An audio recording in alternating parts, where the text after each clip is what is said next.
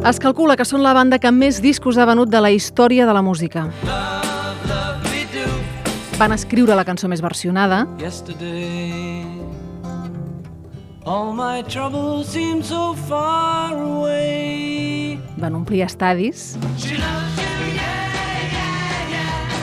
Van marcar l'inici del que es coneix com a fenomen fan I love them. I don't care what anybody thinks. I love the Beatles for them, and I'll always love them. i van deixar de tocar perquè literalment no podien sentir bé per aquests crits. Els crits de les fans. Tal és el seu èxit que tenen el seu propi dia mundial, aquest 6 de juliol, que és la data en què un 1957 es van conèixer dos joves de nom John Lennon i Paul McCartney, que acabarien formant una banda que batejarien amb el nom de Beatles. Soc la Carla Torró i avui a l'Ara, els Beatles, la història de l'èxit i la vida després de la ruptura. 6 de juliol de 1957. Aquell dia, un John Lennon de 16 anys tocava amb la seva banda, que es deia The Quarrymen, al jardí d'una església de Liverpool. Un dels membres de la banda va assistir amb un amic, aquest amic es deia Paul McCartney, i Lennon i McCartney van estar xerrant. Van xerrar de gustos musicals, es van fer amics, van explicar-se coses de les bandes i van acabar formant un grup ells, un grup al que s'incorporarien després George Harrison primer i Ringo Starr després. Xavi Cervantes, què tal? Molt bon dia. Hola, molt bon dia. I quina banda, no? No sé si n'hi ha alguna de més mm, famosa de la història. No, clar, a mi m'agrada pensar que no. Eh, és veritat que hauríem de parlar amb les generacions que tenen menys de 30 anys, aviam què, què n'opinen ells. Mira, escolta això que dèiem. Déu-n'hi-do l'èxit. Oh yeah, I'll tell you something. I think you'll understand. Pels crits que hi havia no? en els seus concerts. I és veritat que el sistema de son era el mateix que ara, però no podien literalment escoltar-se. Sí, de fet, això ens, ens deixa un, un, un dèficit d'imatge molt, molt interessant en la història del, del pop i del rock, que sí que tenim imatges dels Beatles fins al 1966 Uh -huh.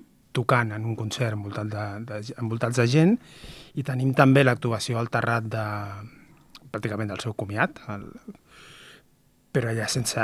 no era un concert estrictament, eh?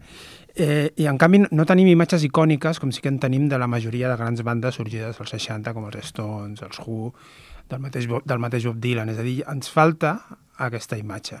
I és perquè el, els equips d'amplificació, sobretot, no estaven preparats o la tecnologia encara no estava prou desenvolupada per funcionar en concerts de la magnitud que requerien els Beatles. És a dir, els Beatles, fins i tot quan van estar a Barcelona, van tocar a la plaça de Toros, és un lloc relativament gran. Si allà no tens una bona amplificació, eh, els músics no se senten, però és que el públic tampoc sent la música. Clar. I era un gran problema. I això fa també que els Beatles no participin en la cultura dels grans festivals de rock, que és una cosa increïble, però és veritat. És a dir, les imatges de Monterrey o de, o de Woodstock no estan els Beatles, que probablement és el grup que permet que tot allò Passi, no? passi. Per què l'èxit dels Beatles? Ah, no sé, hi ha, hi ha, hi ha experts eh, amb els Beatles que t'ho podrien analitzar d'una manera molt més, molt més clara i contundent, però jo crec que bàsicament és que és un grup que neix en, en un moment molt oportú, eh, o sigui, a nivell cultural, eh, ells estan vivint un present sense adonar-se'n que estan fent una revolució cultural. I això fa que puguin crear sense gaire responsabilitat, sobretot al principi. Jo crec que fins a l'any 66 ells van fent. No, no sé si són conscients del canvi de paradigma cul- cultural que estan representant. I això fa que s'expressi amb una llibertat absoluta sense perdre de vista que en el fons el que els agradava era fer cançons com va dir Halley. Llavors, fer cançons de pop i de rock senzilles, sense, sense gaire complicació. En, molt entre cometes, eh? perquè realment sí que hi ha certes complicacions harmòniques en, els, en les cançons dels Beatles. La revolució cultural quina seria? Com la podem definir? És un, és un tema, mm, des del meu punt de vista, molt, molt britànic. És a dir, els britànics de postguerra eh, generen una primera generació de cultural molt emprenyada, que són els, els joves irats, que sobretot és amb el teatre, però també amb el free cinema es, es veu molt clarament, és a dir, gent molt emprenyada amb la grisó que s'imposa després de la Segona Guerra Mundial, és a dir, totes les, les recessions i, i la contraofensiva moral que es produeix a la, a la, al Regne Unit després de la Segona Guerra Mundial. I una uns creadors es manifesten des de la, des de la ràbia. Però hi ha d'altres que són els que fan, doncs això, els que fan 20 anys a principis dels 60, que ells volen viure la vida d'una altra manera. I llavors coincideix també amb, amb l'expansió de la cultura de masses i de la cultura de l'espectacle, on els protagonistes són els més joves. Mm -hmm. I aquests més joves estan per fer coses de joves, bàsicament. I això és una absoluta revolució. I fan cançons que sonen moltes elles alegres, lluminoses. I jo, si em posen al cap d'algú que no en té ni idea de música, mm -hmm. perquè tu deies, té la seva complicació harmònica. Eh, Què canvien ells en el món de la música? Perquè les seves cançons semblen molt senzilles. És que... Clar, no, els Beatles no és un fenomen aïllat, sinó que formen part d'una revolució dins d'una revolució. És a dir, hi ha la revolució del rock and roll, que és fonamental, Mm -hmm. és a dir, incorpora uns patrons rítmics mm, que són, diguem-ne, que més fàcilment assimilables per la joventut i que, sobretot, contrasten molt en les músiques que escoltaven els pares d'aquesta generació. Aquí hi ha un trencament absolut. I els Beatles això ho aprofiten molt bé. Se van tirar per aquí, és a dir, ells el que estan fent és escoltar rock and roll i cantar-ho a la manera de Liverpool, amb l'accent mm -hmm. aquell que tenen ells de Liverpool. Hi ha una credibilitat amb, el, amb la manera de cantar. Ells són joves de classe obrera relativament perifèrics, perquè són de Liverpool, no són de Londres, i s'adrecen a un munt de gent que, el, que els, els rep amb, amb molta simpatia i molta alegria. I és, és evident allò que t'explicava abans, és a dir, ells mateixos, no sé si fins a quin punt, amb consciència o no, eh, s'estan fent la revolució a sobre, constantment, i musical, i ho fan. I jo crec que hi ha un díptic, que és Revolver, Sgt. Pepper, sobretot, que són discos de l'any 66-67, quan ells tenen 25-26 anys, eh, només. I, I allà condensen realment el que és el pop i el rock mm, que ha, que ha acabat convertint-se en canònic, per entendre'ns. Ells són joveníssims, ara ho deies, i a més a més duren... O sigui, estan molt poc temps junts. Sí. És veritat que això de la precocitat a vegades em, en, ens perd la perspectiva. Eh, clar, Mozart era molt més jove quan, Sí, quan va fer determinades coses. Al mat- Amb 13 anys ja feia coses O increïbles. els grans compositors barrocs, tots als 20 anys ja estaven Sí. fent obres mestres. Eh? Però és veritat que, que els Beatles són realment precoços. I ho fan tot en 8 anys, bàsicament. 8 anys, és que és res. En realitat són més, són uns 10, però en realitat és del 62 al 70, des del primer single publicat fins a l'últim, i condensen moltíssima feina. És veritat que això que comentaves abans, de que deixar de tocar en directe també els permet refugiar-se una mica a l'estudi i llavors allà experimentar molt més en tècniques de gravació que després s'han convertit en, en estàndards absoluts de, de gravació. Eh? I, I això fa que puguin experimentar, anar provant coses... Eh, I vuit anys jo crec que són pocs, però també són molts, per gent que arriba l'any 1970 entre 28 i 30 anys més o menys, després de molts anys convisquent, jo crec que també hi ha l'esgotament propi de d'unes personalitats tan fortes i, i acaben separant-se. També perquè no veuen... eh, És molt curiós, perquè els Beatles eh, podien ser un negoci increïble, però ells mateixos és com si decidissin acabar amb aquest negoci. O sigui, ho deixen per esgotament. Sí, jo crec que sí. I deu haver-hi altres coses, eh? però segurament això. Els Stones tenien més consciència de, de negoci i ells no se separen mai perquè saben que la marca és Rolling Stones i amb això poden viure eternament. I els Beatles, en canvi, renuncien a aquest negoci. Renuncien al negoci i comencen cadascun d'ells carreres per solitaris, que és una història que jo crec segurament menys coneguda. Hi ha un hit d'un d'ells que jo crec que és reconegudíssim, Imagine there's no heaven. It's easy if you try. perquè jo crec que aquest Imagine de John Lennon és una cançó que, en fi, sí que aconsegueix ser eh, conegudíssima a nivell mundial. Sí, és, personalment és una cançó que, que em genera moltes contradiccions i moltes paradoxes. No, no crec que sigui una gran cançó, el missatge tampoc em acaba de convèncer. S'ha associat a determinades coses que jo associo moltes vegades a fugir d'estudi, Mm -hmm.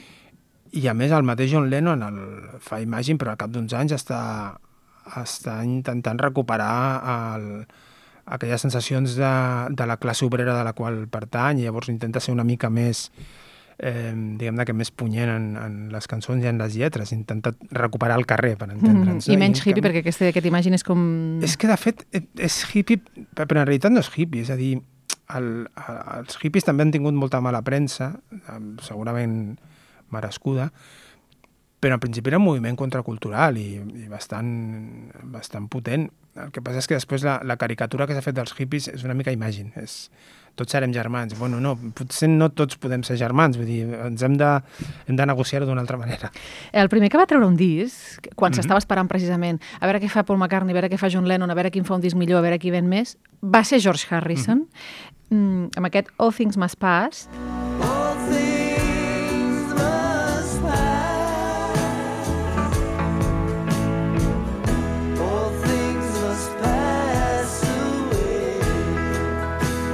I déu nhi jo crec que el que va demostrar George Harrison en solitari.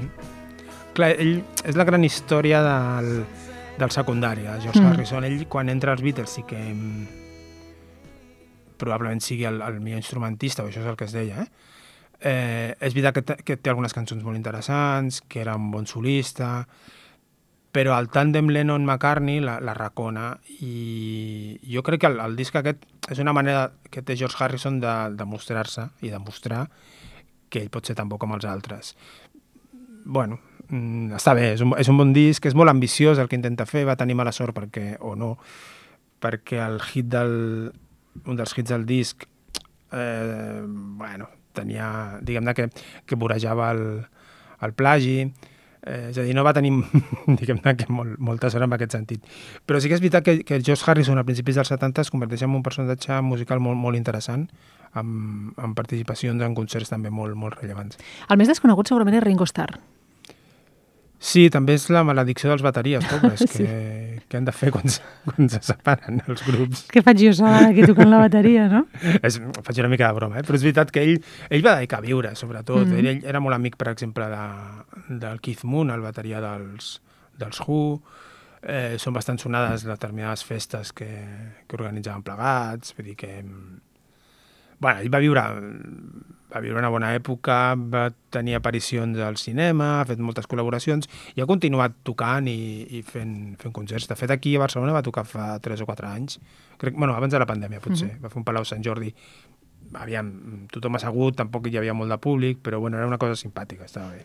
Eh, els dos que continuen vius Mhm. precisament són Ringo Starr i Paul McCartney. Mhm. eh, que és qui més s'ha, no sé si tens aquesta sensació, qui més ha aparegut en premsa, qui més Mhm. entrevistes ha donat, qui més concerts ha fet, no?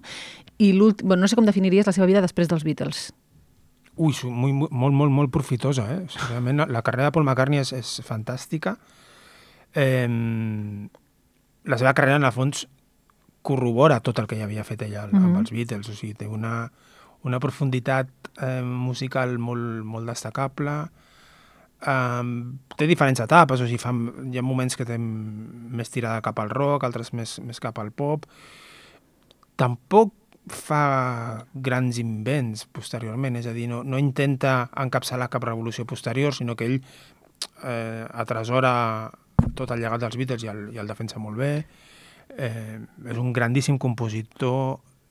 Després, a nivell ètic-polític, també jo crec que és el, el, segurament el, el Beatle més de, que, que millor pots defensar en tots els sentits, és a dir, sempre ha sigut un, un gran defensor de les polítiques públiques, mm Mhm. -hmm. de, bueno, crec que, que és un personatge superinteressant.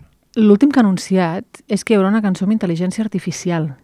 Sí, això en realitat és una gravació que els mateixos Beatles vius van descartar als anys 90. Era una gravació que havia fet John Lennon, Uh -huh. I que Yoko Ono crec que li entrega a Paul McCartney i, i l'havien de fer servir per, un, per una antologia que van publicar el, fa uns anys però la van descartar, la van estar escoltant i no, no, no els semblava bé. I va saltar notícia fa unes setmanes dient que ara intentaven recuperar-la, completar-la amb intel·ligència artificial i, i publicar-la. Seria com l'última cançó dels Beatles. Veurem si això és una bona idea, que jo tinc seriosos dubtes. Molt bé. Eh, Cervantes, amb quina cançó vols acabar? Una cançó que t'agradi molt dels Beatles. Uh, Strawberry Fields Forever? Vinga, va, doncs amb aquesta. Moltes gràcies, com sempre. A vosaltres. Let me take you down, cause I'm going to Marc Moliner, a la tècnica, Alba Om, a la producció. Jo sóc la Carla Torroixos, avui a l'Ara. Gràcies per ser a l'altra banda. Nothing